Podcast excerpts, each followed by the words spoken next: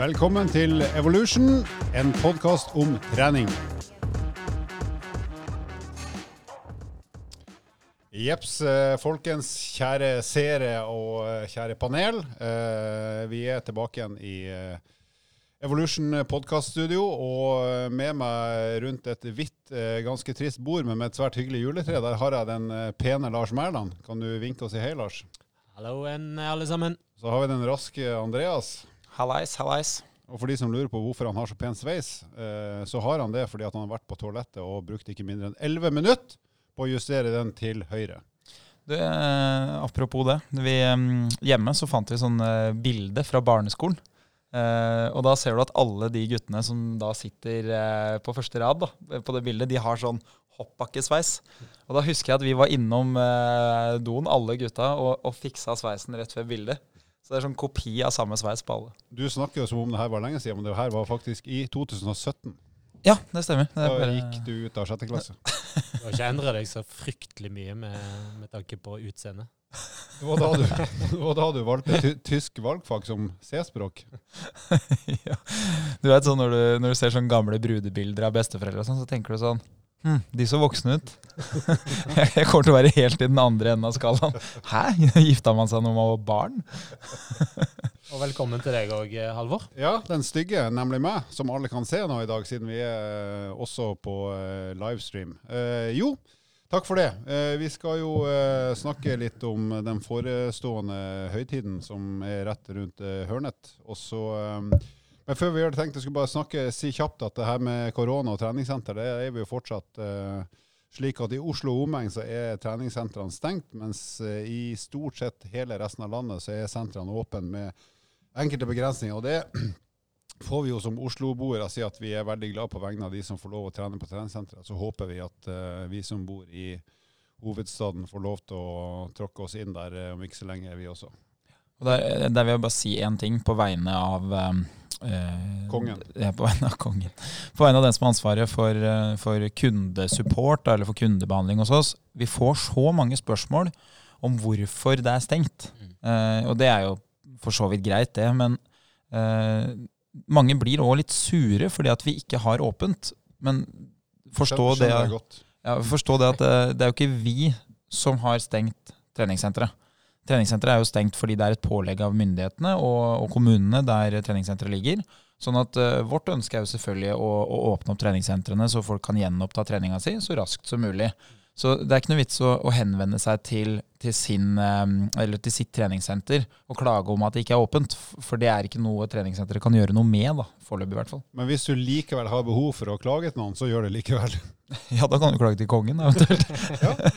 Eller kan sende klage til meg, f.eks. Min mailadresse er da andreas.skjetne.evofitness.no for de som vil sende klage til meg. Yes, men eh, gutter rundt bordet her, det er jo snart eh, Vi skal snart feire eh, fødselen til Jesus Kristus, også kalt jul.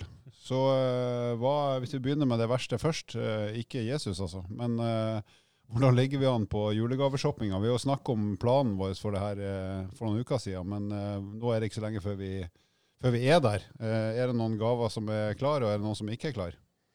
Lars, den pene av oss, med nybarbert og frisert skjegg. Vær så god. Ja. var Barber i går. Klar for jul hjemme hos uh, homor. Jeg skal pakke inn meg sjøl, jeg. Ja, Nei, det, du er jo ikke, eh, det er jo ikke noe å gi bort. Nei. Du, jeg eh, har begynt, men eh, jeg har vært litt kynisk i år, så jeg har eh, lagt meg min lit til eh, lillebror, så han har fått eh, oppgaven i å fikse julegavene. Så jeg, eh, mitt bidrag er å vippse. Men skal han kjøpe gave til kjerringa di òg? Ja. Ok. Det er såpass, ja. Enkelt og greit. Så slipper han. Nei da, jeg skal ut en tur i kveld. Eh, er planen. Eh, jeg drar til Vestlandet i morgen, så jeg må vel egentlig fikse noen ting. Det begynner jo, Timeglasset begynner å renne ut, men eh, Da snakker vi om din egen kroppsfasong. ja. så, Takk for meg. Takk for deg. Så hvis noen har noen gode tips der ute, send inn i chatten vår eh, til hva man skal kjøpe til eh, den bedre halvdelen. For jeg, akkurat nå er jeg litt blank, faktisk. Ja, og Apropos det, i chatten så er det bare å fyre inn spørsmål og innspill på egentlig hva som helst. Så tar vi det fortløpende hvis det er noe som eh, gjør seg på lufta eller på skjermen. Så du ligger egentlig dårlig an, Lars. Ja. Det er det du sier. Jeg er som vanlig, jeg har planlagt. Skrevet ned, men, eh, Men ikke- planen din var at lillebror fikser alt. Ja. Så det er jo ikke, det er jo ikke en briljant plan, Nei, kanskje. men det er lett å eh, hva skal jeg si, støtte seg på eh, den, den delen der, for å si det sånn. Han er litt mer tryggere enn det jeg er. Ja. Så har vi den raskeste av oss. Andreas. Er du rask også på julegavefronten, eller er du i offside? Ja, der er jeg så solid i offside. jeg tror jeg så- jeg er så i offside at vi linjemannen risikerer å ikke vinke fordi han ikke ser at jeg er i offside. Problemet mitt med julegavehandel er at jeg eh, jeg ender ofte opp med å kjøpe fine gaver. Da. Det er jo ofte det som skjer når du har venta for lenge. Da, da har du òg litt dårlig samvittighet. Men eh, det som eh, er litt problematisk, er at hun hjemme er veldig mye flinkere enn meg på akkurat det der. Så hun har allerede begynt å kjøpe til en del av de personene som jeg tenkte at ja, det kan jeg kanskje kjøpe, eller det bør jeg kjøpe. Så innen jeg på en måte har kommet i gang med, med at jeg skal kjøpe julegaver, så har vi egentlig kjøpt til alle. Ja, Så- men Da er du home free, da. Ja, ja, så det er jo da den ene gaven jeg må kjøpe. Den eh, nå, nå kan jeg ikke fortelle hva det er, men uh, Det er podkast, så kommer vi ikke til å høre på det. Nei, nei, på det her det er fordelen. Jeg kunne egentlig ha sagt det her, uh, så vi får se. Nei, Ja, ja, gi oss en kategori, da. Hva slags kategori gave skal hun få? Er det noe til hjemmet? eh, Noe til eh, henne? kategorien innpakket. Ja, innpakket. Ja, men er det for henne? Eller hva er Nei, det, regelen er jo at jeg kjøper jo som regel ting som ganger meg sjøl på en eller annen måte. da. ny sykkel? Nei, det er ikke ny sykkel, men det er- nok i, i den type eh, brukstema. Da har du samme oppfatning av det her som faren min. Han kjøpte en gang ei hagle til mora mi. Som hun aldri har verken tatt på eller skutt med. Men som ble brukt fryktelig mange ganger av han, og etter hvert meg. Hun ble, eh, hun ble i hvert fall overraska. Men hun begynte ikke å grine av glede. Det gjorde hun ikke.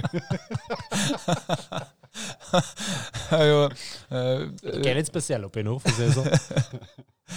jeg har jo en lillebror som er syv år yngre enn meg sjøl, så det som er morsomt, er at når han så på en del barne-TV-serier, så, så var jo jeg stor nok til å skjønne at barn ser jo ting på reprise tusen ganger, ikke sant?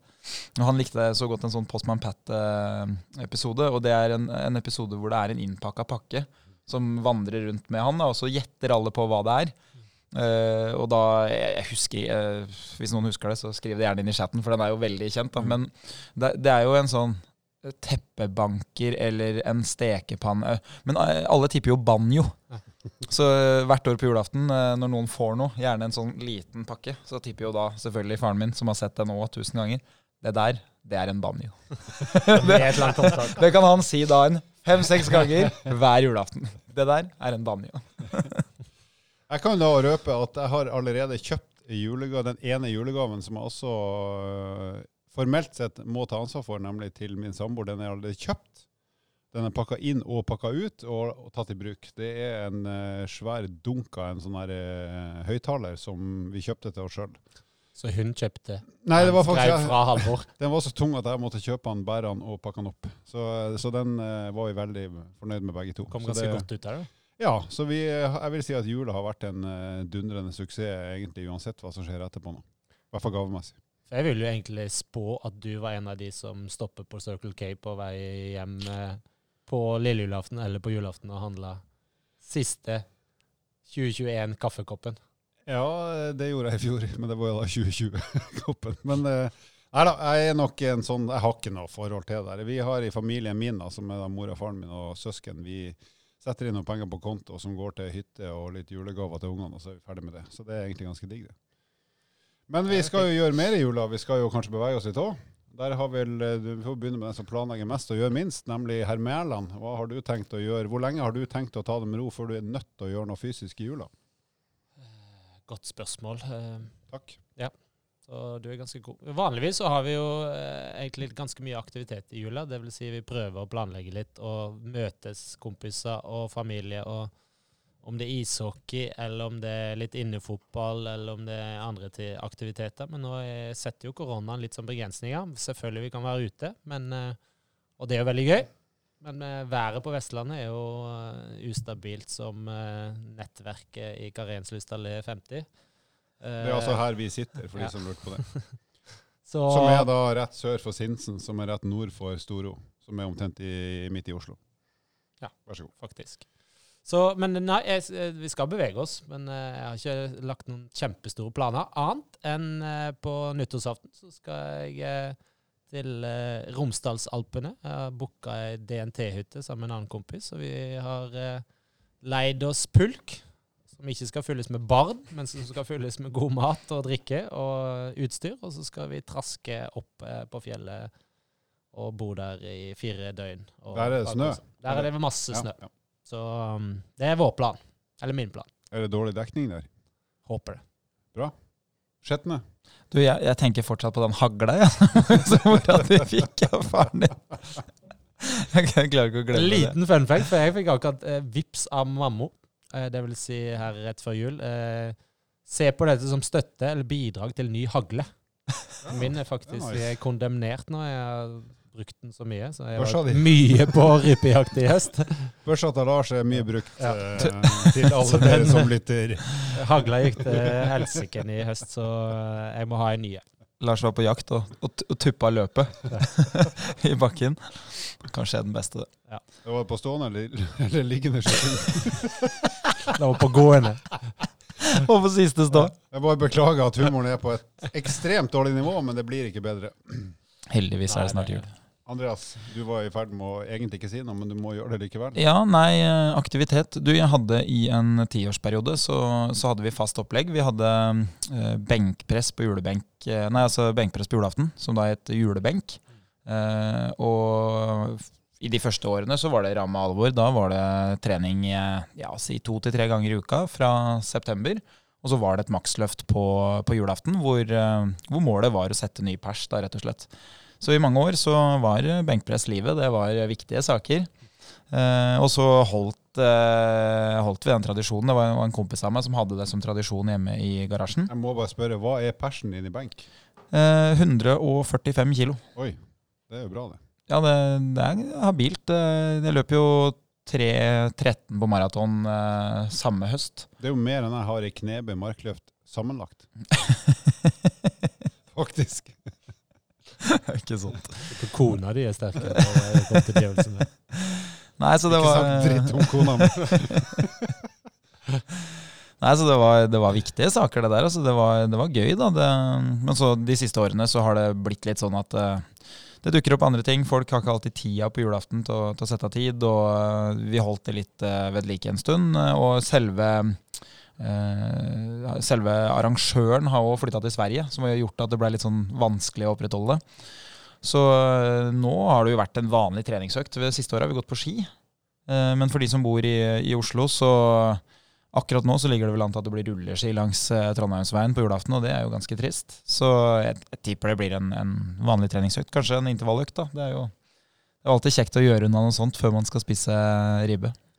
Apropos det her med juleaktivitet. eh, han, eh, vår olympiske mester i curling, Pål Trulsen, han som var skip i eh, Var det ikke 2002, eller var det 98? Stemmer. 2002. 2002. Eh, han, da jeg jobba i Skøyteforbundet, så hadde han kontor rett ved siden av meg, og han er en meget hyggelig fyr, han er en meget morsom fyr, og han var da generalsekretær i Curlingforbundet. Han fortalte meg ganske mye historier. Eh, blant annet eh, når de ble tatt inn i Olympiatoppen, det curlinglandslaget, så de var jo ikke i kanonform fysisk, selv om de var gode til å sitte på knær og skyve en stein av gårde. Så de ble pålagt å føre treningsdagbok da, for at de skulle liksom få sånn oversikt over den fysiske eh, treninga. Og da hadde han hatt såpass lite i å skrive i den, i den uh, treningsdagboka for desember at uh, på julaften så hadde han notert opp gang rundt juletreet. Ti runder. det var det han fikk plotta inn i jula. Høy puls. Men jeg har personlig skal gjøre litt med det, så jeg har tenkt på julaften så blir det nok eh, ei skikkelig sykkeløkt på rulle. Jeg har eh, selvfølgelig bestilt meg ei rulle som kommer i morgen, tror jeg. Eh, altså du bare hekter på sykkelen din og trør som om det skulle vært ute, men den står stille. Så det blir det inne, inne i mitt hus i kjelleren, og sannsynligvis sammen med dattera mi, som har blitt eh, ivrig til å sykle. Så da skal jeg trø ut noe hinsides med vatt, håper jeg. Som er bedre enn deg. Ja ja, mye bedre enn meg. Jeg var jo hjemme hos deg og gikk på ski eh, i forgårs, jeg. Ja, du var på et eh, sparsommelig julebord hjemme hos meg. Det besto av sakte staking med lange pauser. Ja, altså du, du blei jo imponert over det jeg leverte. Eh, men ikke med positivt fortegn. Nei, altså det som er saken, Jeg har jo et treningssenter hjemme i kjelleren. sånn han Andreas eh, skulle ta seg treningsøkt. Jeg, jeg drev med mine stusslige markløft, og han drev med staking på stakemaskin. Og så tenkte jeg det her ser jo ganske bra ut sånn teknisk. Men da jeg gikk og så på farta, så ble jeg rett og slett overraska over at det gikk an å stake så sakte, egentlig. Det var slow motion. Som med andre ord så fikk du en litt sånn déjà vu fra challengen vår tidligere i høst. Når Ja, det var nesten som undertegnede sto og vispa i grøten. bare det, her så, be- det her så bra ut, det bare gikk jævlig sakte. Ja, men jeg også så jo bra ut. Nei. Du hadde jo vært og kasta opp to-tre ganger og lå jo bare og Du brukte kun kroppstyngden. Du så meg bare bakfra. Du brukte kun kroppstyngden. Du skapte ikke kraft. Framtung. Du ramla ned på stavene. Yes. Apropos skitur. eh, Jeg var på skitur faktisk i, for, eh, forrige helg. Eh, Fantastiske forhold i og rundt Oslo, hvis man drar litt ut. Ringvei 4. Eh, oppå Jeg skal ikke nevne sted, for det er litt sånn hemmelig. Nei. Men eh, i nærheten av der du bor, Andreas, eh, er det fantastiske skiforhold. Så, og kommer man seg ut av Oslo-gryta og ut over tåka, så er det faktisk nydelig. Eh, For de som lurer, hvor er det her? Jo, han har vært i Val d'Isère, rett nord for Oslo. Jeg er faktisk glad for at jeg skal feire jul hjemme i år. At etter seks år på juleveien eller ferie nede i Europa, så er det greit å kunne feire hjemme. Ja, det er en koselig. Bytte ut eh, italiensk pasta med pinnekjøtt. det er koselig de helt til gavene er åpna, da blir det bare trist. Men eh, vi må jo si litt om julemiddagen nå. Hva er, hva er det? Nå vet vi jo hva som skal bli servert. Vi har snakka litt før om hva tror vi at vi skal ha, men nå vet i hvert fall jeg hva vår meny er. Så har dere kontroll på eh, julaftenmiddagen? Ja, eh, den er ganske tradisjonell, men i år kunne ha blitt veldig spennende. Eh, hvert eneste år så spiser vi eh, ribbe eh, hjemme hos meg. Det, det har bare blitt tradisjonen. Uh, Foreldrene mine er fra Trondheim, så eh, det er jo i utgangspunktet litt sånn ymse hva man spiser i Trondheim. Det er mye ribbe, men eh, noen steder så spiser man jo torsk. eh, og så er det noen som har dratt med seg pinnekjøtt. Torsk er jo latterlig som julemiddag. Ja, Ja, ja, Det må jeg, bare si. jeg spiser jo ikke torsk på mandager engang. Nei, altså, torsk er jo ikke mat. Du spiser ikke fisk. Vi gir det til kattene når de oppfører seg dårlig. det er Ikke sant. Men det fins én ting i Trondheim som er veldig vanlig, som er også vanlig andre steder, men spesielt i Trondheim. Karsk. Karsk. Og Aleksandersen. Ja, ja, ja, til dels. Nei, det, det som Mye dårlige forslag her nå. Nei, det, det er jo Bart Feldkamp er faktisk en kjent skøyteløper. Stemmer det. Ja, stemmer det. Gikk sammen med It's Postma. Korrekt. Nei, øh, jo, lutefisk. Og i år øh, så skal faktisk vi til Trondheim. Så øh, lille julaften drar vi oppover til Trondheim. Så skal vi feire jul hos farmora mi. Og hjemme hos farmor og farfar så spiste da pappa lutefisk helt til han flytta hjemmefra. Det betyr at han spiste bacon og potet til han var konfirmant på julaften. Så eh, i år har jeg, har jeg hørt noen rykter om at det blir eh, ribbe. Men jeg var jo da den som sa at kanskje vi bare skal la tradisjonen stå i hevd, fordi historien blir mye bedre hvis det blir lutefisk. Men da må vi doble akevittbudsjettet, i hvert fall. Det er helt sikkert. det må du fyre opp godt før, under og etter. Jeg har aldri smakt lutefisk, men det som ødelegger for meg, er lukta. Mm. Altså bare lukta inn, eh, og, men smaken er sikkert god. Nei, altså, jeg kan si Men, eh, som eh, har jo også vært et offer for lutefisk i mange år, så jeg kan si at det er ikke bare lukta som ødelegger den retten der. Mm. Men det er det, som, det er der det starter. Men det blir ikke noe bedre når du får stappa deg dritet i kjeften. Da- Problemet er jo akkurat når du skal ta det over på tallerkenen og sånn, så det har jo en konsistens som er litt sånn geléaktig. Så det er liksom ja, det, Så poenget er ikke, ikke, Hvis du ikke har prøvd det før, ikke prøv det. Det er ikke noe Nei, vits. det er Det er, det er dumt. Apropos farmer, de er jo i full vigør. og Du, farmora mi hun er egentlig ekstremt sprek. Jeg hadde Hvor gammel er hun? 40, 44? 44. 44. Hun fikk akkurat eh, sitt eh, femte barn. Nei,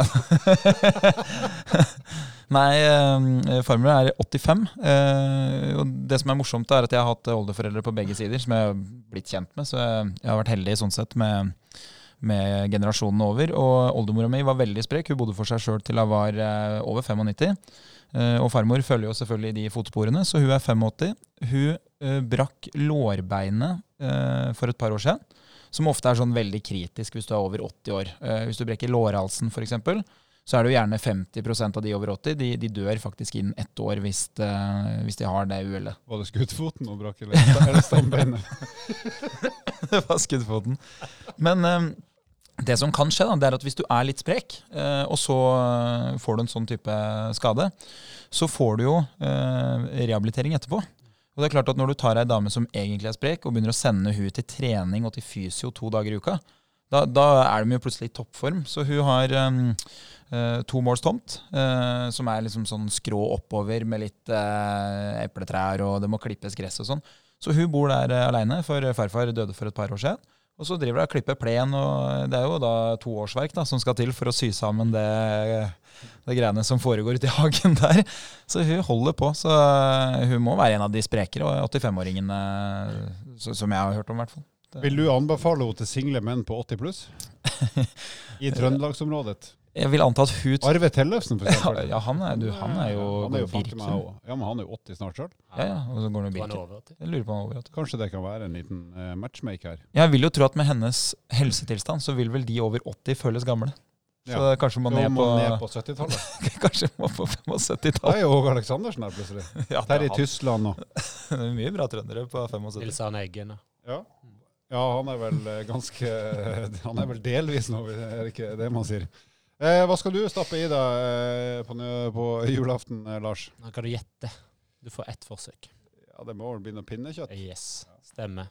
Noe annet vil være å banne i kirka. Så jeg, jeg er så heldig å få spise heimelaga pinnekjøtt. Så jeg er oppvokst på gård, så jeg liksom har eh, hele veien hatt eh, ekte kjøtt. Og når jeg sier ekte, så er det egne eh, oppfostra sauer som er slakta hjemme på gården, og ikke minst salta og røykt av han eh, gamlefar. Så det er ekte vare. Du har hørt, no, hørt noen rykter om at uh, julemiddagen er litt tung for uh, lillebroren din. Eller kanskje ikke nå som voksen, da, men når han var litt yngre. Det stemmer. Han hadde blitt kjent med det som skulle spises. Han. Han har blitt kjent med det og klappa hadde et disse navn. Eh, Hadde navn. Og det er et sånn fint bilde av lillebror som barn der eh, han satt på trehjulssykkel. På bak på lasteplanet bak så satt, eh, satt katten vår. Og på skuldrene så satt høna. Bak så gikk golden retrieveren vår, og bak der igjen så gikk eh, sauene. Nå håper jeg ikke at, at, at det er alle- faktisk var alle de dyrene der med på julemiddagen. En god kombinasjon. Høna røyk til nyttår, og Katt. katten de røyk til påske. og... Katteforrett. Nei, katt er, katt er fine dyr, det òg. Men eh, er jo også Så han hadde et veldig spesielt forhold til disse dyra, ja. Ekstremt. Det er, jo, det er jo litt artig, da. Det, jeg håper ikke han føler det sånn som voksen, men eh, man gjør kanskje det. Ja. Eh, ja, kanskje. Jeg har et nært forhold til dyr. Han blir eh, alltid så stille på julaften, Katt er jo for øvrig noe som er veldig populært i deler av Asia. som både forrett. Hovedrett og dessert. Yes. Ja vel. Nei, men vi får komme oss videre i programmet, boys. Og... eh, Bare spørsmål. Ja. Skal du spise tacobagett? Nei, vet du hva. Jeg mye med det, men- I år så skal jeg ikke ha julemat. Nei. Jeg skal ha alternativ. Ser ut som du ikke trenger det heller. Jeg skal bare pushe puslespiller, og så skal jeg se på Disney og ikke spise mat. Sykle. Men eh, f Sykle. før vi bare forlater maten og, og virkelig går vi løs på noe. Ja, før vi går løs på noe fornuftig. Eh, det er jo en til i rommet her eh, som vi kan spørre om hva han spiser på julaften. Og det er jo litt sånn morsom julaften. Kanskje ikke i år, da, men hva han spiste tidligere. Uh, og det er jo eh, Peter, han som da har ansvaret for, for filming og lyd. og... Vår ubrukelige lydtekniker. Eller produksjonsassistent, som har vel blitt kalt i NRK. Han, han er egentlig ekstremt flink. Det er bare at Halvor har ikke i seg å, å skryte av folk. Jeg, jeg vurderer han ut fra hvor dårlig han er til å ro. Så, så uansett hva han gjør ellers, så er han ræva. Gå på brystpress, da. Ja, med én arm. Men hva, hva pleide du å spise på julaften, Petter? Det var snitsel. Wienerschnitzel og kartoffel. Så i Slovakia så var det schnitzel og potetsalat. Det er jo faktisk godt, da. Det er jo litt som, det er jo litt som Grandiosa-preg over det, Ja, ja, egentlig. det er jo Det er jo helt aldri, Er den hjemmelaga? Ja.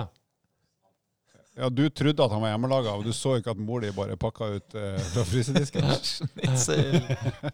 Bra, da skal jeg introdusere en eh, aldri så liten eh, lyd, og så skal vi gå over på uh, hovedtemaet.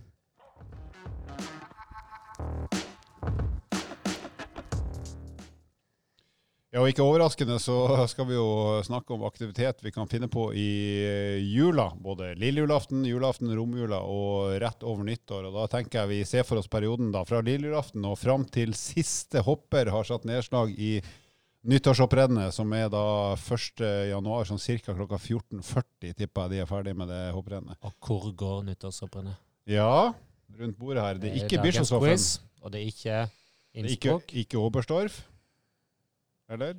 Nei. Er det Garmisch? Garmisch-Parten. Ja, Nyttårshopprennet, Ja. ja. ja. Det er jo, det er jo Garmisch at um, alle vinnere uh, blir huska. Mm. Så publikum er veldig gode på det. Så når folk dukker opp sånn 40 år etterpå, så, så er du, da er du helt. Selv om du, du vant det rennet, og så var du nummer 17 totalt i, i hoppuka, så, så blir du huska. Og det er jo det alle på en måte forteller om av de gamle norske som har vunnet. Da. Så det er, Liten fun fact fra Garmisch. Partenkirchen. Vær så god.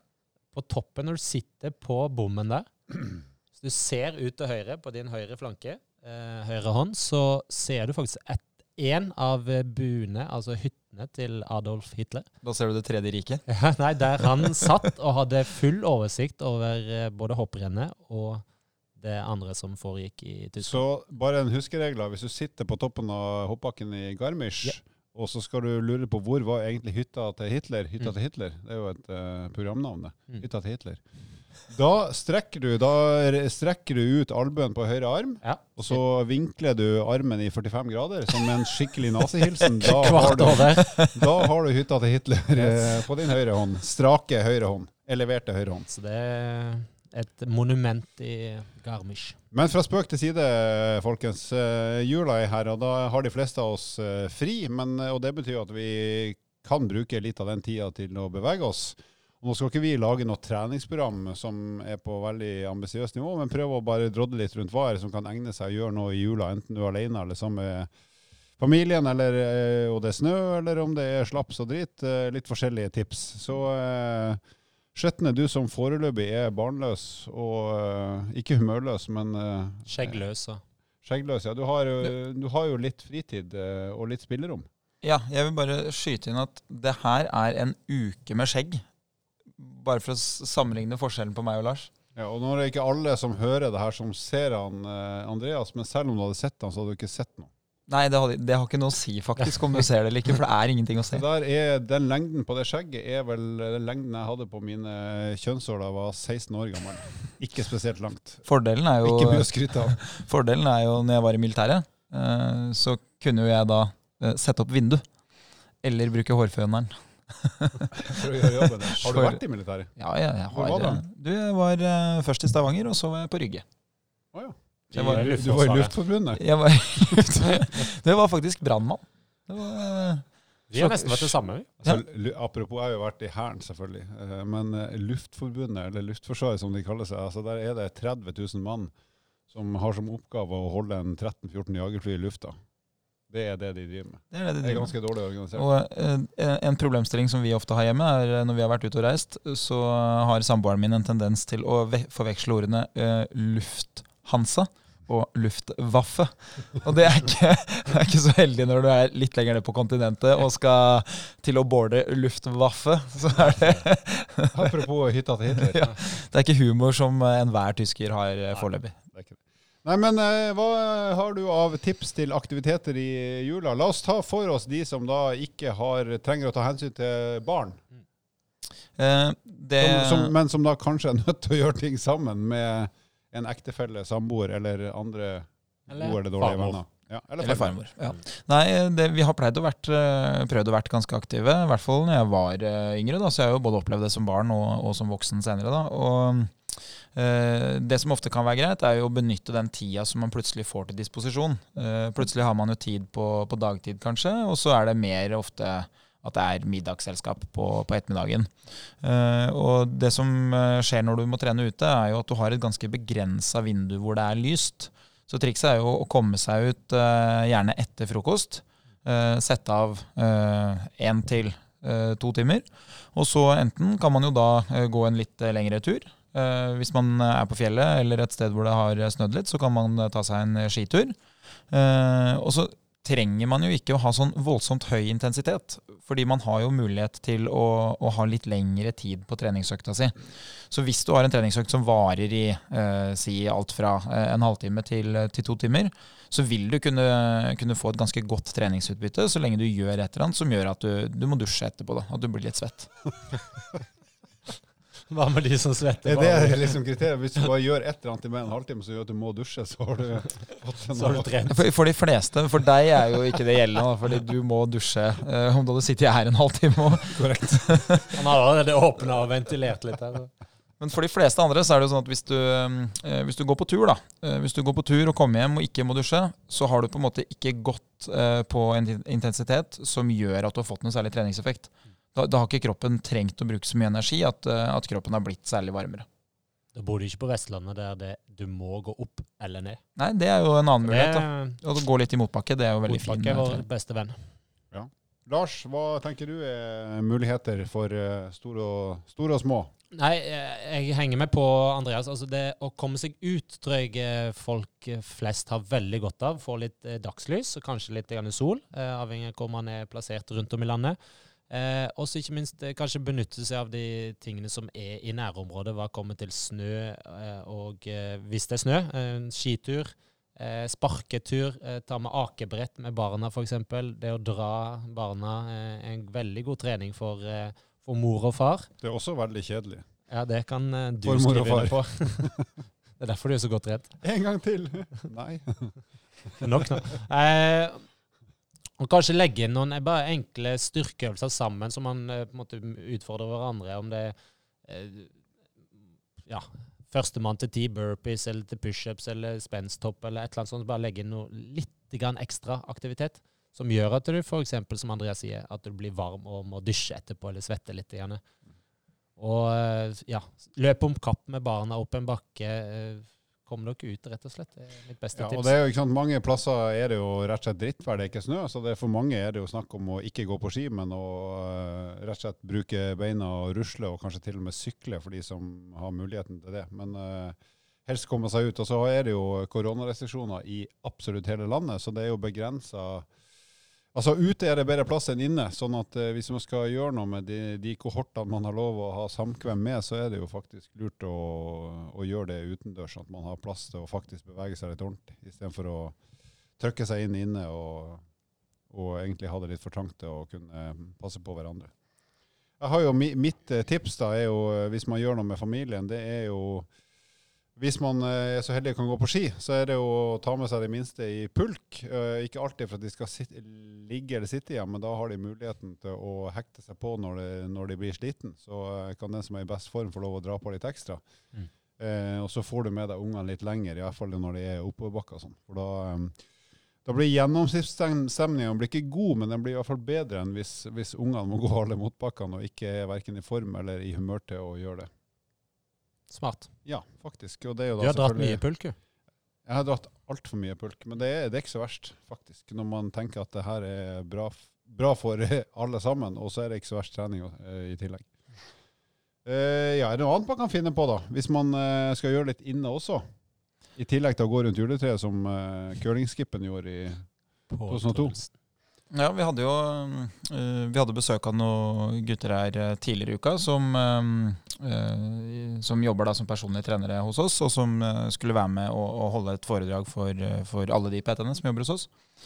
Og vi, vi, lo jo litt av det at når vi endelig nå fikk tilgang til treningssentrene, der vi fikk gjort litt egentrening, sånn at de som ønsker kan lage noen filmer til sine sosiale medier, og at man Eh, at man får lov å rett og slett eh, gjøre litt av den delen som, eh, som jobben personlig trener innebærer. Så lo vi jo litt av at mange av de øvelsene vi velger, det er jo de samme øvelsene man kunne trent hjemme på stuegulvet.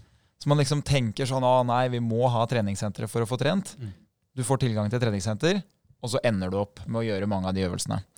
Og det som på en måte er greit, da, hvis man skal eh, gjennomføre en treningsøkt eh, som gir god effekt, så eh, må man ha eh, øvelser som trener de muskelgruppene som, som, kroppen består av, eller de da største muskelgruppene. Så jeg pleier å si at hvis du har én eller to beinøvelser, eh, det som da folk kjenner til. Og hvis man Ett eller to bein. Ett eller to bein. Ikke tre bein? Nei. Nei, Hvis du da gjør f.eks. knebøy, si at du setter fram eh, en sånn eh, en, en stol eller en, en eh, puff, og så bruker du den som, eh, som noe du har eh, bak beina, sånn at du setter rumpa nedi den og reiser deg opp igjen. Da har du en fin knebøy. Eller så kan du gjøre vanlig utfall, enten gående eller stående. Da har du jo dekt eh, øvelser for beina. Så hvis du da holder deg til enkle tall som tre runder og, og ti eh, repetisjoner, da, da har du et godt oppsett. Og Hvis du da eh, fyller på med litt trening for overkroppen, f.eks. pushups hvis du er sterk nok til det, eller pushups mot vegg eller bord eller stol, så får du jo trent eh, baksida av arma og, og brystet. Og så må du ha en eller annen form for trekkøvelse, og det er jo den som kanskje kan være litt vanskelig. Men da kan du jo se om du finner et eller annet som, eh, som har en vekt på et par kilo. Og så kan du trekke med én arm, altså sånn type enarmsroing. Eh, hvis du har en strikk, så kan du enkelt gjenskape den øvelsen. Hvis du er enda sterkere, så kan du legge deg under et bord og så holde i bordkanten og trekke deg opp sånn at brystet treffer opp i bordkanten. Der kan du ligge under hele julemiddagen. ja, ikke sant? Og da har du jo da har du dekt eh, beinøvelsene, du har eh, dekt eh, bryst og baksidearm, du har dekt forside forsidearm og rygg. Og Hvis du da finner to flasker for eksempel, på en halv kilo og, og løfter over hodet, så vil du jo få trent skuldra di og baksidearma, så da har du en øvelse der òg. Og legger du til da en mageøvelse, så, så har du egentlig en veldig fin treningsøkt. Og det kommer ikke til å ta mer enn 20-25 minutter, så har du egentlig trent styrke på hele kroppen.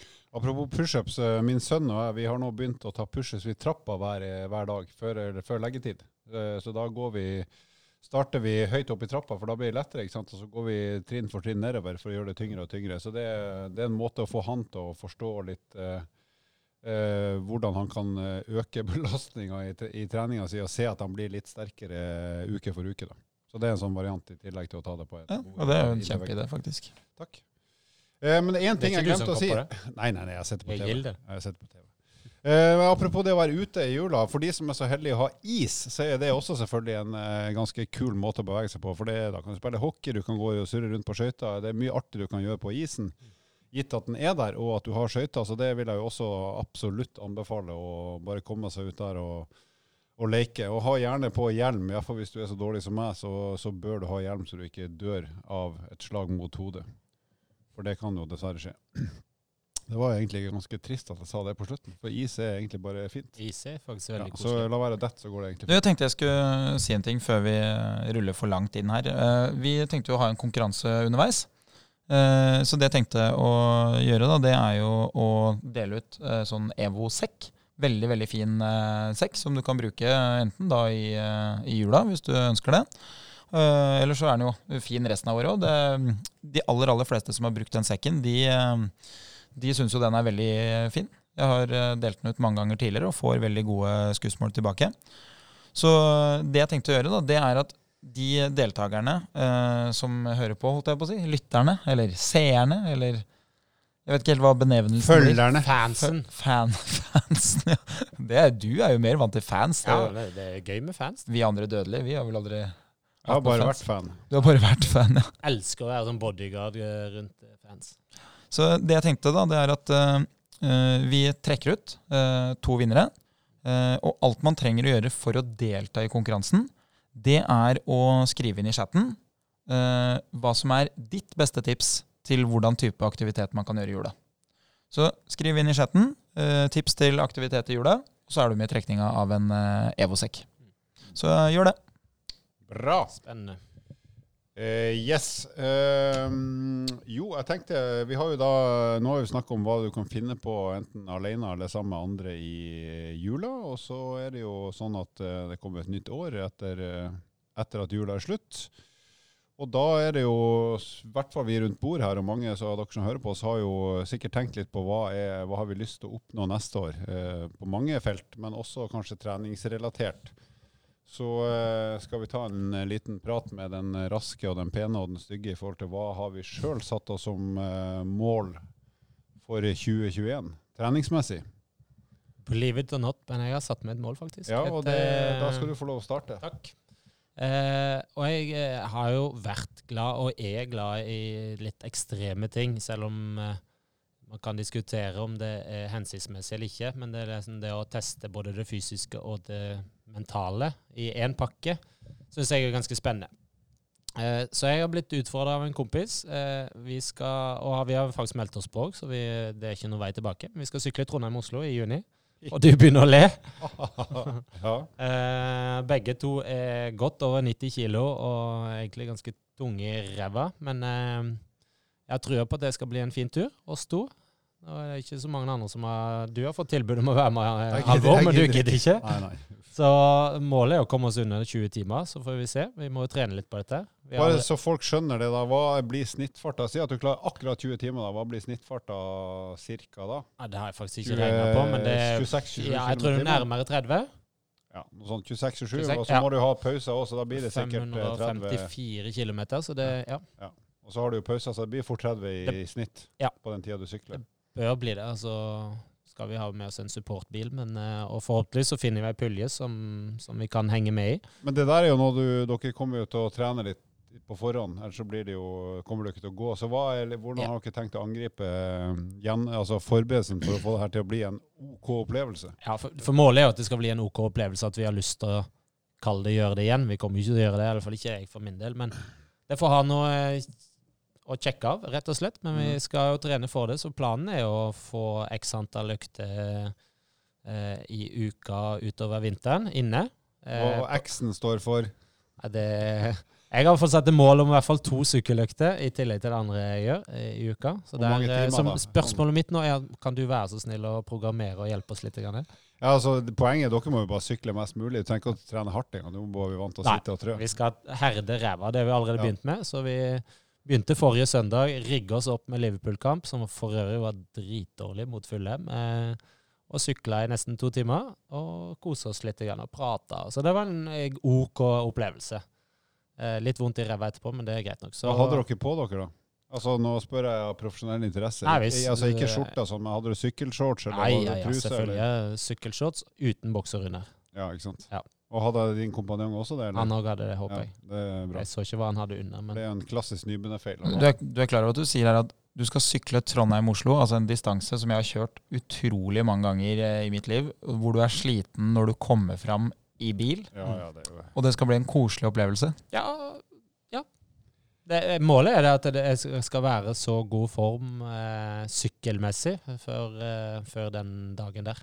Da si- da tenk deg på morgenen, da, sånn i firedragene du står på, så er det to plussgrader og regn i Trondheim.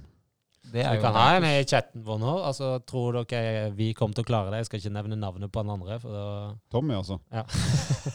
André Lande. Lande. ikke, ikke nevn navn. Nei. Men Han. eh, han. Eh, så ja, vi har meldt oss på i pulja 20-24 timer. Starten går 05.10. galskap. 10. juni. Da, da sier jeg til dere, som jeg har sagt til en del kompiser opp gjennom åra når vi har vært ute og reist, fordi om, det er, ja, fordi om det er nedover på kartet, så trenger det ikke å være nedoverbakke. det er mange motbakker mellom eh, Ja, For du sykler sørover, så ser det jo jævlig lett ut. ser nedover.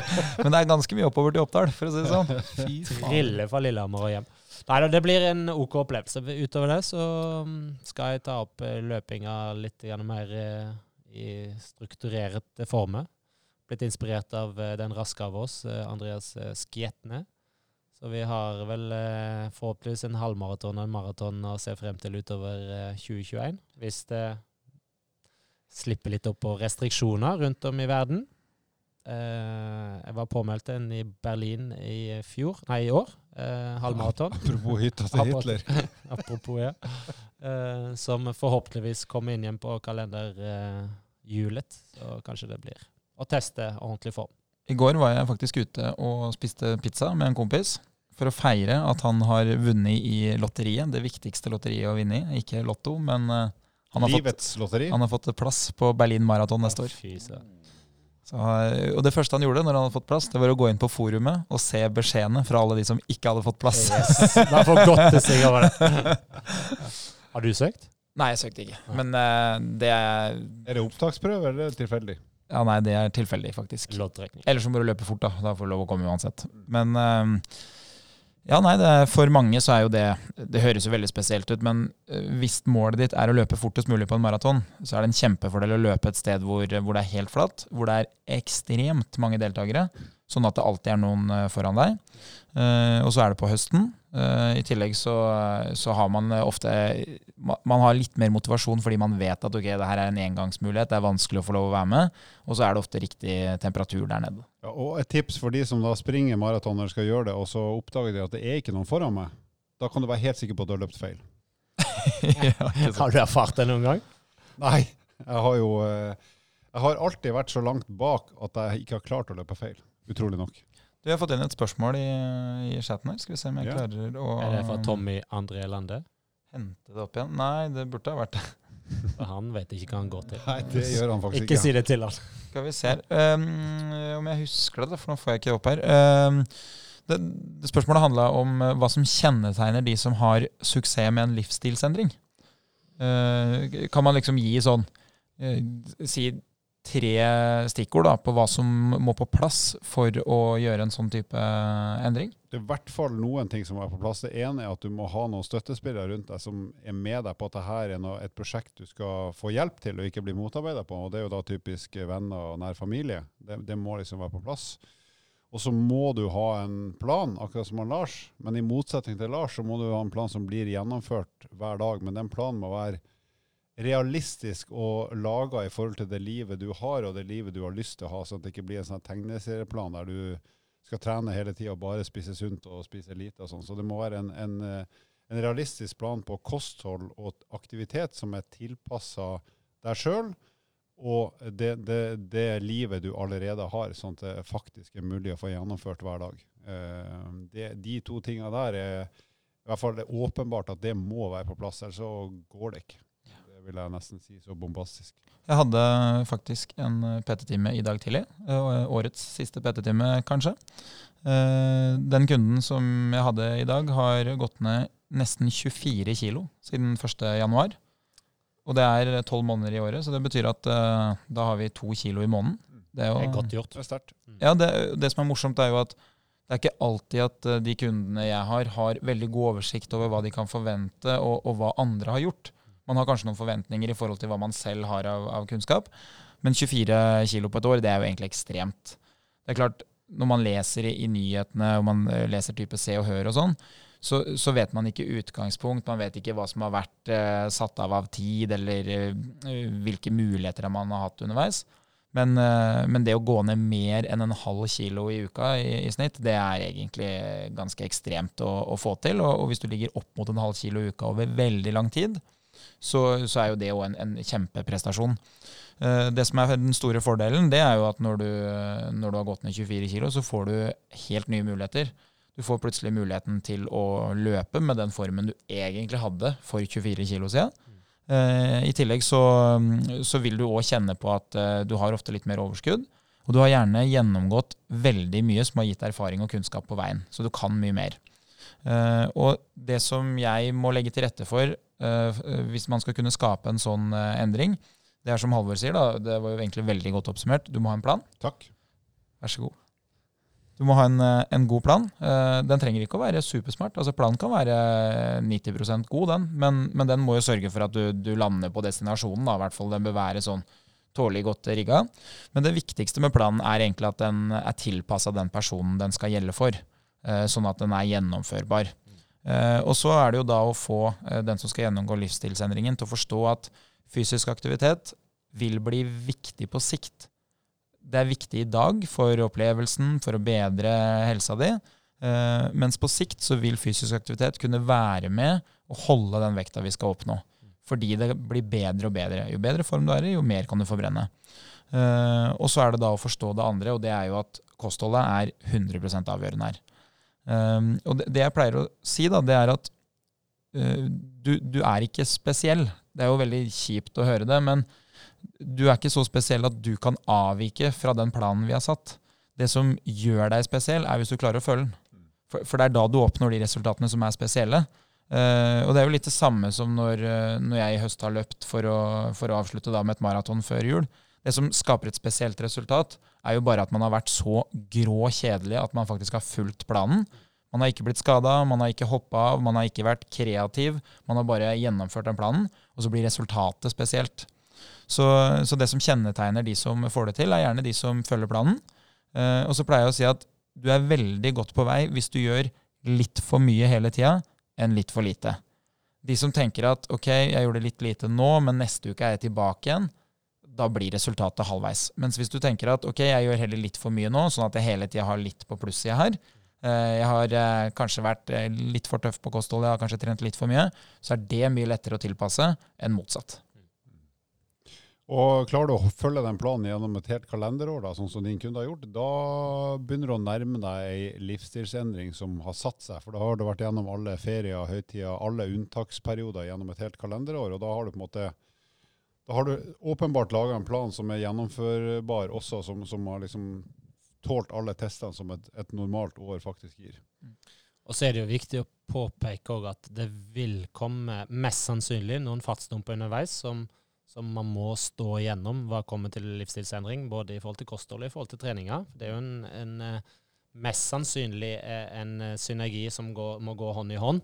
Eh, og der kommer kanskje det beste tips om å kanskje oppsøke noen som har kunnskap på området, og som ikke minst kan være med deg i du smiler lurt nå. Eh, være med deg i hverdagen og kanskje holde deg litt i hånda og få deg til å på en måte nærme deg det målet. Og så ikke minst det Halvor sier, det med å sette noen realistiske mål, men kanskje òg ha noen delmål underveis, så man får en sånn statussjekk. Hvor er man etter tre eller fire måneder, altså en gang i kvartalet f.eks. Eh, og så eventuelt justere planen deretter hvis man ser at man, dette her er ikke eh, overkommelig for meg, det er for mye trening, det er vanskelig å holde kostholdet osv., eller om det skjer andre endringer i livet. Eh, så tror jeg man kommer veldig veldig, veldig langt. Og det med delmål er jo helt uh, avgjørende. For det er det som på en måte skal, skal, skape motivasjonen underveis. For det kan være ganske langt til selve hovedmålet. Uh, så det jeg gjerne bruker, er jo en del delmål som skal gå på uh, det prestasjonsmessige i forhold til form. Vi har jo brukt en del løping, f.eks. Og, og det som var morsomt, var jo på mandag så, så satt jo den samme kunden da pers på halvmaraton. Og, og, og, det matcher jo bra med kroppsvektsnedgangen, samtidig som du har trent hele året, så du har blitt i bedre form. Mm. Uh, og så kan man jo bruke delmål på kroppsvekt. Jeg er også fan av at man bruker målebånd, f.eks. For, eksempel, for det er ikke sikkert at alt går ned slavisk hele tida.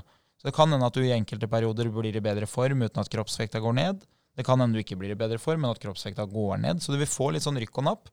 Så jo flere sånne type måleenheter du har, jo mer sikker kan du være. Eh, det som jeg lo av, da, som var veldig Det, det er dagens uh, innspill. Uh, I konkurransen, som alle kan delta i, hvor de da skal skrive inn i chatten her et forslag til fysisk aktivitet man kan gjøre i jula, ja. Og da vinne en Evosekk, så har jeg fått inn her Hei, pappa. Det er meg, Storm. Det er da sønnen til uh, Halvor. Skøyter er bra trening. Men ikke for deg! Og et rasshøl. Det er greit det, Storm. Jeg tar den. Storm, hvem er det som er best i pushups av dere to? Ja, det kan han heldigvis ikke svare på. Men det er foreløpig meg. Men det er han Storm han går rundt meg på skøyter. Jeg har jo sagt jeg skal slå han én til én, men uh, da skal jeg ta i bruk absolutt alle virkemidler. Uh, og bruke det faktum at jeg er dobbelt så tung som han uh, heftig. Jeg veit at du er ganske kynisk for å komme til sånne ja, ja, ja. konkurranser. Altså. Jeg, jeg, jeg, hørte jo noen rykter om at Storm slår deg i motbakkespurt eh, hjemme på Ekeberg. Ja, gjør det, altså. Dessverre. Ja, jeg lurte jo faktisk på om du måtte ta fart nedover mot eh, sentrum før du snudde og kom opp igjen. Jeg starta på Sinsen der for å komme opp i fart. Fem kilometer etterpå så, så, var jeg i nærheten. han er, jeg, jeg, er jo ikke spesielt rask, men jeg er i ålreit form. Men nå stikker han fram, altså, til og med i motbakkedrag. Og han er jo bare ti år, den drittungen. Så det er nok et bevis på at uh, Det er av sine egne man skal ha det. Ja, men det går jo nedover, bratt nedover med den en gang unge lovende Laustad. Sånn er det bare. du har fine legger, da. Ja, det har jeg. Det har jeg. Mm, faktisk. faktisk Dukker opp eh, flere her. Eh, Reidar. Ja. ja. han, er, han er med, vet du. Ja. Uh, han foreslår å lage GPS-figur på, på kartet. Det er, kult. det er kult. Ja, og det så jeg også at uh, Annie, som jobber som PT Evo, hadde foreslått. Mm. Tøft. Så det, det, er bra. Det er kult. Jeg har jo sett at han Reidar og hans samboer har laga en del uh, ganske interessante figurer på Strava. Uh, uten at jeg skal si hva det ser ut som. Men den ene skrev jeg er det elg i solnedgang, men det var ikke det. en kunstner? Ja. Moro. Så på Strava kan man finne litt inspirasjon, faktisk. Ja, definitivt. Storm, Storm svarer her Uh, han er sterkest i pushups. Takk. Men eh, vi får ta imot flere innspill. Eh, Vi har fem minutter igjen av sendinga. Vi må høre eh, hva er din plan, Andreas? Nå har jo du løpt eh, ny rekord på maraton, så det kommer jo ikke til å skje i 2021. Hva har du tenkt å eh, nå som mål? Eller du må jo ha et eller annet å jobbe for i, til neste år òg. Hva blir det? Ja. Eh, først av alt så tenkte jeg at jeg skulle prøve å gå litt på ski. Men så det som er litt sånn vanskelig med ski, er jo at du risikerer sånn som i fjor, da, at eh, jeg skulle gå mye på ski i Nordmarka, og så er det rett og slett ikke Altså det er bare i de rundløypene hvor det er kunsten det er mulig å gå. Eh, og, det har sin begrensning i en fem kilometer oppe i Linderudkollen å skulle drive og gå firemilsturer. Da blir plutselig ikke trening gøy. Da, hadde jeg vært toppidrettsutøver, så hadde jeg gjennomført det, men da kan jeg like så greit gjøre masse forskjellig. eh, Og da kan jeg jo likså greit løpe her nede og spare den tida det, det tar. Så eh, jeg er litt usikker. Det som ofte er trøbbel med å perse så seint som jeg gjorde da, altså når du løper maraton i starten av desember, det er jo at du plutselig er i kanonform ganske nærme neste sesong. Eh, og det gjør jo at motivasjonen for å bare feie gjennom vinteren og fortsette løpinga, den blir stor. Eh, og så får man jo alltid en tanke når det går bra, om at oi, her kan jeg gjøre det enda bedre. Så jeg, jeg vurderer jo å prøve å få gått litt på ski, spare beina litt, og så rett og slett bare satse på at det blir tidlig vår, eh, sånn som det har blitt de siste åra, og så kjører jeg av gårde. Kanskje Det er jo tidlig vår nå. Ja, det, jeg så faktisk på Strava at i fjor så hadde jeg løpt her nede i eh, februar. Da var det ni plussgrader. Uh, og det er klart, ni plussgrader her, det er jo bedre enn det det har vært i hele høst. Jeg lurer på om det kan skje et, det skjer et eller annet med miljøet, tror jeg. Det blir liksom bare varmere og varmere. Arbeidsmiljø. Ja, det jo. Ja, så løping, altså. Men var Ja. da? 10 km, halvmaraton eller eh, Nei, altså 3000 meter? ja, når du, 4000 meter? 4000 meter. Ja. Nei, når du først har eh, løpt alt du kan på 10 km, som jeg gjorde da i, eh, i fjor, så er det så lett å tenke at «Uff, det blir vanskelig å gjøre det her bedre.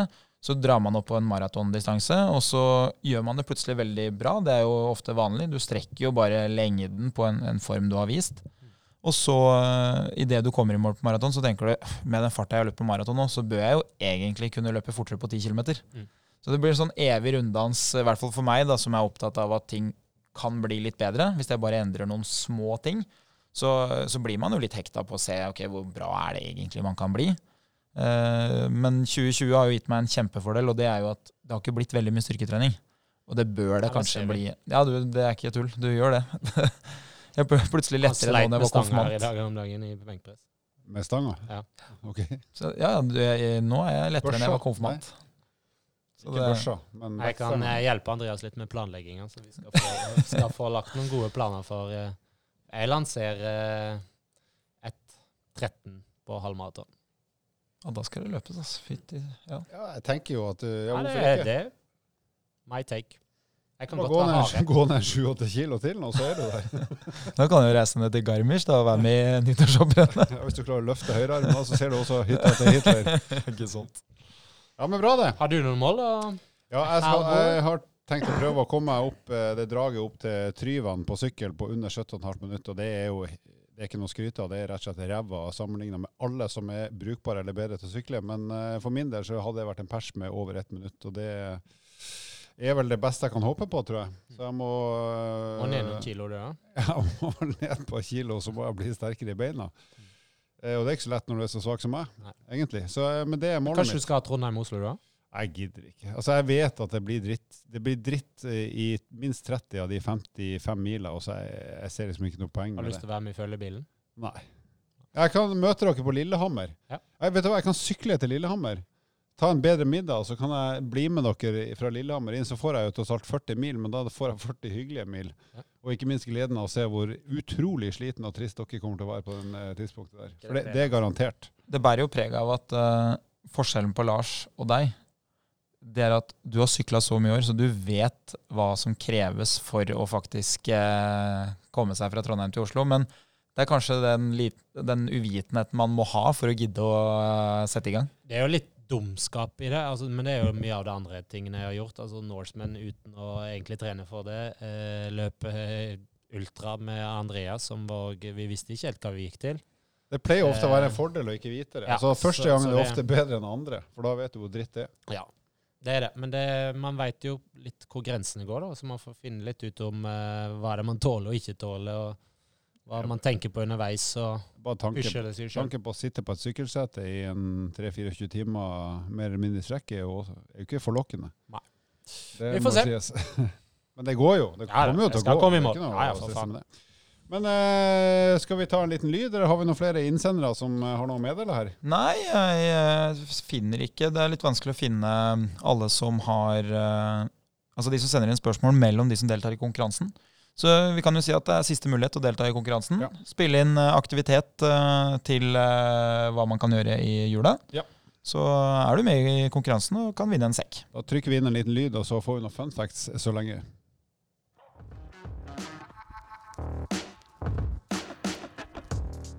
Ja, og da har vi kommet til den normalt useriøse delen av programmet, men det har det egentlig vært i hele dag, så vi bare fortsetter der vi slapp. Har, I dag har jeg faktisk to fun facts, eh, og den ene er ja, Egentlig begge er helt usaklige, men den ene er jo så rar at jeg bare måtte ta det med. Og det er Følgende er faktisk sant, at mer enn mer enn halvparten, eller altså mer enn 50 av ko verdens koalabjørner har klamydia. Og det er jo egentlig Jeg vet da faen hvorfor jeg tok det med, men det, jeg syns det bare er moro. Og hun eh, Ronja som eh, også jobber sammen og oss, hun begynte faktisk å le høyt nå. Så det, hun har vært grinete hele uka, så jeg tenkte at det er så bra at det må jeg ha med. Så over halvparten av verdens koalabjørner har klamydia. så vet dere det. I tilfelle det blir et trivial Ja, pursuit-spørsmålet. ja, og ikke prøv deg på noe snusk med en koala, for da er sjansen relativt stor for at det kommer til å gå dårlig med eh, din seksuelle helse i ettertid. Eh, Det håper jeg ikke du hørte, Storm, altså min sønn på ti år. For det her vet du ikke hva er for noe. Jo da, sånn andre fun facten det er at eh, av de tolv menneskene som har gått på månen, så har hele elleve av de vært med i Speideren. Det er jo faktisk noe du kan bruke i Trivial Pursuit i hvert fall. Mm. Det er noe du kan slenge rundt eh, julebordet og si at eh, det er et faktum. Eh, om det er en god eller dårlig ting, vet jeg ikke, men da har det iallfall en slags eh, felles kulturell nevner. Vet du når siste gang vi var på månen var? Jeg har aldri vært der, men jeg tippa i 73. Jeg tror det, hvis ikke jeg tar helt feil. Eh, 73, eller så var det enda litt senere. 76 eller noe sånt. Men det, det er jo liksom morsomt at vi, vi jobba så hardt for å komme oss til månen, og så bare i løpet av noen få år så kunne vi sende av gårde noe annet enn folk som gjorde jobben. Jeg hadde faktisk heller tatt og sykla eh, jorda månen enn eh, Trondheim-Oslo. Jorda månen. Lykke til. Det hadde jo blitt lettere etter hvert. Famous last words. Det hadde jo det. Hadde det? Eller kanskje ikke. Skal vi kåre dagens uh, høydepunkt? Vi skal kåre, kåre dagens kåre. Hva er dagens høydepunkt? Ja, det er uh, ubestridt for meg. Det er Hytta til Hitler? Uh, Nei. Det er far Halvor som kjøper hagle til mor Halvor. Det er, det er helt Altså, hva er, det, hva er det som skjer da, liksom? Nei, jo mer jeg tenker over det, jo bedre er det jo. Ja, det er Han framstår jo i et veldig godt lys i min verden. Fantastisk. Kanskje jeg skal kjøpe en ny, fin sykkel til Will, som er akkurat passe stor til meg? Jeg, jeg har lyst til å være med på julaften hjemme hos dere hvis du kjøper hagle til, i hvert fall. Den kommer til å bli brukt på julaften i så fall. Ett skudd rettet mot mitt bryst. Fra nært hold. Yes. Nei, men eh, neste år, eh, hva skjer da? Vi skal selvfølgelig eh, fortsette med Evolution, og vi spør som alltid, send inn forslag til tema. Eh, og send inn eh, spørsmål til oss som vi kan bruke enten i sendinga, så får dere svar én til én. Det er ett av to. Enten tar vi det i sendingene, eller så svarer vi dere. Og vi kommer da til å ha eh, flere konkurranser sagt, med premier fra treningspartner.no, som leverer fine premier til oss gjennom hele året. Og vi kommer også til å ha andre som leverer fine premier underveis. Eh, Så det er mye å glede seg til. Så har vi en ny challenge på gang, eh, som vi har snakka så vidt om. Og det er 10 000 meter roing som vi vi vet ikke når vi får gjennomført den, for det har litt med restriksjoner på korona å gjøre. Men der er det sannsynlig at vi får konkurrere mot selveste Olaf Tufte, som jo har eh, både kretsmesterskap, norgesmesterskap og olympiske gull. Så han er ganske god. Sykkelknappen. Og han har sykkelknappen, ja. Og han kommer jo til å slå oss, så konkurransen for vår del blir jo hvem er det som er nærmest han av oss rundt bordet, pluss eh, Henning Bolero Holm, som også skal være med der. For, for det som blir vanskelig da, det er jo hvis vi faktisk, altså hvis en av oss faktisk slår den, så må jeg jo legge andre sommerferieplaner, for da må jeg jo til Japan. Skal til Tokyo. Altså, helt seriøst, da. eh, Det høres ut som kødd, men hvis en av oss slår han, så skal jeg gå herifra til toppen av hopptårnet i Garmisch-Spartenkirchen, og så skal jeg sette meg ned på toppen der og se på hytta til Hitler. Og så Og så går jeg tilbake igjen. Helt hjem til Norge. Hvis en av oss slår han. Ja, det er- hypotetisk, tror du ikke vi tre sammen kunne slått den? Nei. hadde ikke hatt snøballsjanse. Altså, vi hadde ikke hatt sjans. Hvis vi kunne ro så fort vi kunne i 500 meter, bare ganga det opp med 20, så har vi likevel tapt. Eller kanskje akkurat kommet likt med. For det, det er jo Så, bare, så dårlige er vi. ja, for det er jo sett det på spissen sånn som maraton. da. Verdensrekorden på maraton er 21 km i timen. Vi, vi, vi kan bistå med 3 km, kanskje. Ja, jeg klarer ikke det engang, i og med at sønnen min slår meg i motbakkedrag. Så jeg hadde, jeg hadde, ikke, jeg hadde ikke vært i nærheten av noen ting. Nei, det er sant. det er sant. Men ehm, eh, når det gjelder den challengen, og det som er veldig morsomt med den, den forrige challengen vi hadde, når det handla om 5000 kalorier, det var jo for å, for å belyse hvor stor forskjell det er på et inntak av 5000 kalorier, hvor enkelt det egentlig er, kontra hvordan det skal gjøres da for å bruke 5000 kalorier. Uttaket. Uttaket. Men det som blir morsomt nå, det er at den challengen som da blir én mil, eller 10 000 meter på en eh, romaskin, det er noe som alle kan være med på. Og det er jo kjempeartig. Inkludert deg, Ikke sant, eh, Andreas? Nei, det, Det er, artig, det. det fins ikke gøy. Jeg, jeg er jo den absolutt dårligste til, til ro. Men det som er morsomt, da, det er at da kan lytterne òg delta. Så det som vi kommer til å rigge til, da, det er jo at eh, vi lager en konkurranse hvor, eh, hvor lytterne kan delta. Mm. Hvor de sender inn sin sluttid, tar bilde av monitoren når man er ferdig, distanse og tid. Og så er man med da eh, i den konkurransen. Og så skal vi da komme tilbake til premie. For vi må, der må vi fikse en skikkelig kul premie. Ja, der må, Det er såpass stor innsats at der må vi få mange som skal få lov å vinne litt. Og kanskje ikke bare de beste, men, eh, men eh, litt andre kategorier også. Mm. For eksempel eh, beste over 80 år. Der kan jo farmere de fort vinne. 10 000 meter på romaskin. Hvis du setter seg i motbakken, men, i, men som nedoverbakke, så kanskje det går. Ja, kanskje. Eller kanskje ikke, for du må jo opp igjen for å få nedoverbakken. Mm. Ja. Dårlig eksempel. Jeg trekker det tilbake igjen. Stryk det fra protokollen. Peter Skjobekk, eh, skal du være med? Han skal ikke Han være med. være Han med, ja. har, jo, han, har jo, han har jo trent roing på romaskin i ikke mindre enn ca. 30 treningsøkter gjennom livet sitt, men han har samla sett ikke klart å ro 10 000 meter på de drøyt 30 roøkter. Han bruker det som oppvarming i to minutter, han blir stokk stiv, og så tenker han faen, det her var for slitsomt, så gidder jeg ikke. Peter hadde vært en veldig god roer hvis 500 var fast distanse. For da hadde han rodd fortere og fortere. Han hadde vært en god roer hvis han hadde vært en god roer, men han er ikke det. Problemet til Peter var jo at det var 2000 meter Halvor hadde satt opp. Så han starta fortere og fortere. Så 500 meter tida ble bedre og bedre. Men sluttida på 2000 meter ble jo dårligere og dårligere. For det var jo større og større sprekk for hver gang. Bra, da tror jeg vi rett og slett skal avslutte med å ønske alle som eh, gidder å høre på oss, og i dag faktisk også se på oss, ei eh, utmerket jul. Og så skal vi vel si det rare ordet òg, skal vi ikke det, Lars og Andreas? Ja, Før vi kjører det, så vil jeg bare si at uh, vi kommer til å trekke en uh, vinner. Altså to vinnere, som jeg, som jeg lovte, som vi Ja. sender sekk til. Uh, så mm, det kommer til å komme ut på chatten veldig, veldig snart. Og i den forbindelse så vil jeg takke for alle som har deltatt. Det er jo veldig trivelig at det faktisk er litt engasjement. Og ikke minst fulgt oss gjennom dette året. Vi er jo ett år. Mm. Mm. et år. Et år. Ja. Og vi skal fortsette. Så, men vi er avhengig av eh, lyttere og avhengig av gode innspill til tema og spørsmål. Vi skal fortsette i minst én måned til. 150 000 har hørt på det jattet som vi eh, serverer her. Det er helt utrolig. Det er bra. Ja, Er det egentlig bra? Jeg syns det er rart. Vi får håpe at noen får et litt bedre treningsutbytte av å høre på oss, da. Ja, helt seriøst, vi er veldig glad for at dere hører på oss. Og som sagt, spill inn temaforslag og send inn spørsmål når som helst. God jul og godt nyttår. God jul! Sayonara! Sayonara. Send inn spørsmål til oss på Evo Fitness. Vi fins både på Instagram og Facebook. Og vær grei å abonnere på podkasten på Apple Podcast eller Spotify.